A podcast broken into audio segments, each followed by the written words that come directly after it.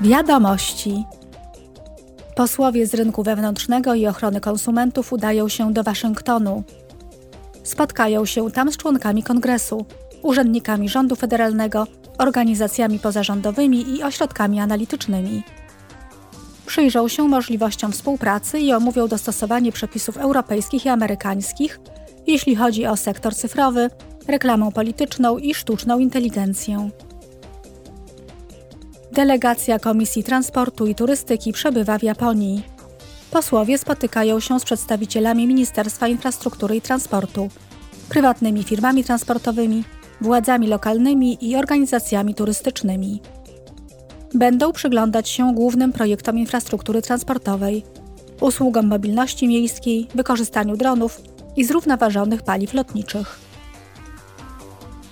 Przewodnicząca Parlamentu Europejskiego Roberta Metzola przebywa w Paryżu. Wczoraj wygłosiła przemówienie na Sorbonie. Dzisiaj spotka się z prezydentem Emmanuelem Macronem. Przed spotkaniem wygłosi z nim też wspólne oświadczenie prasowe.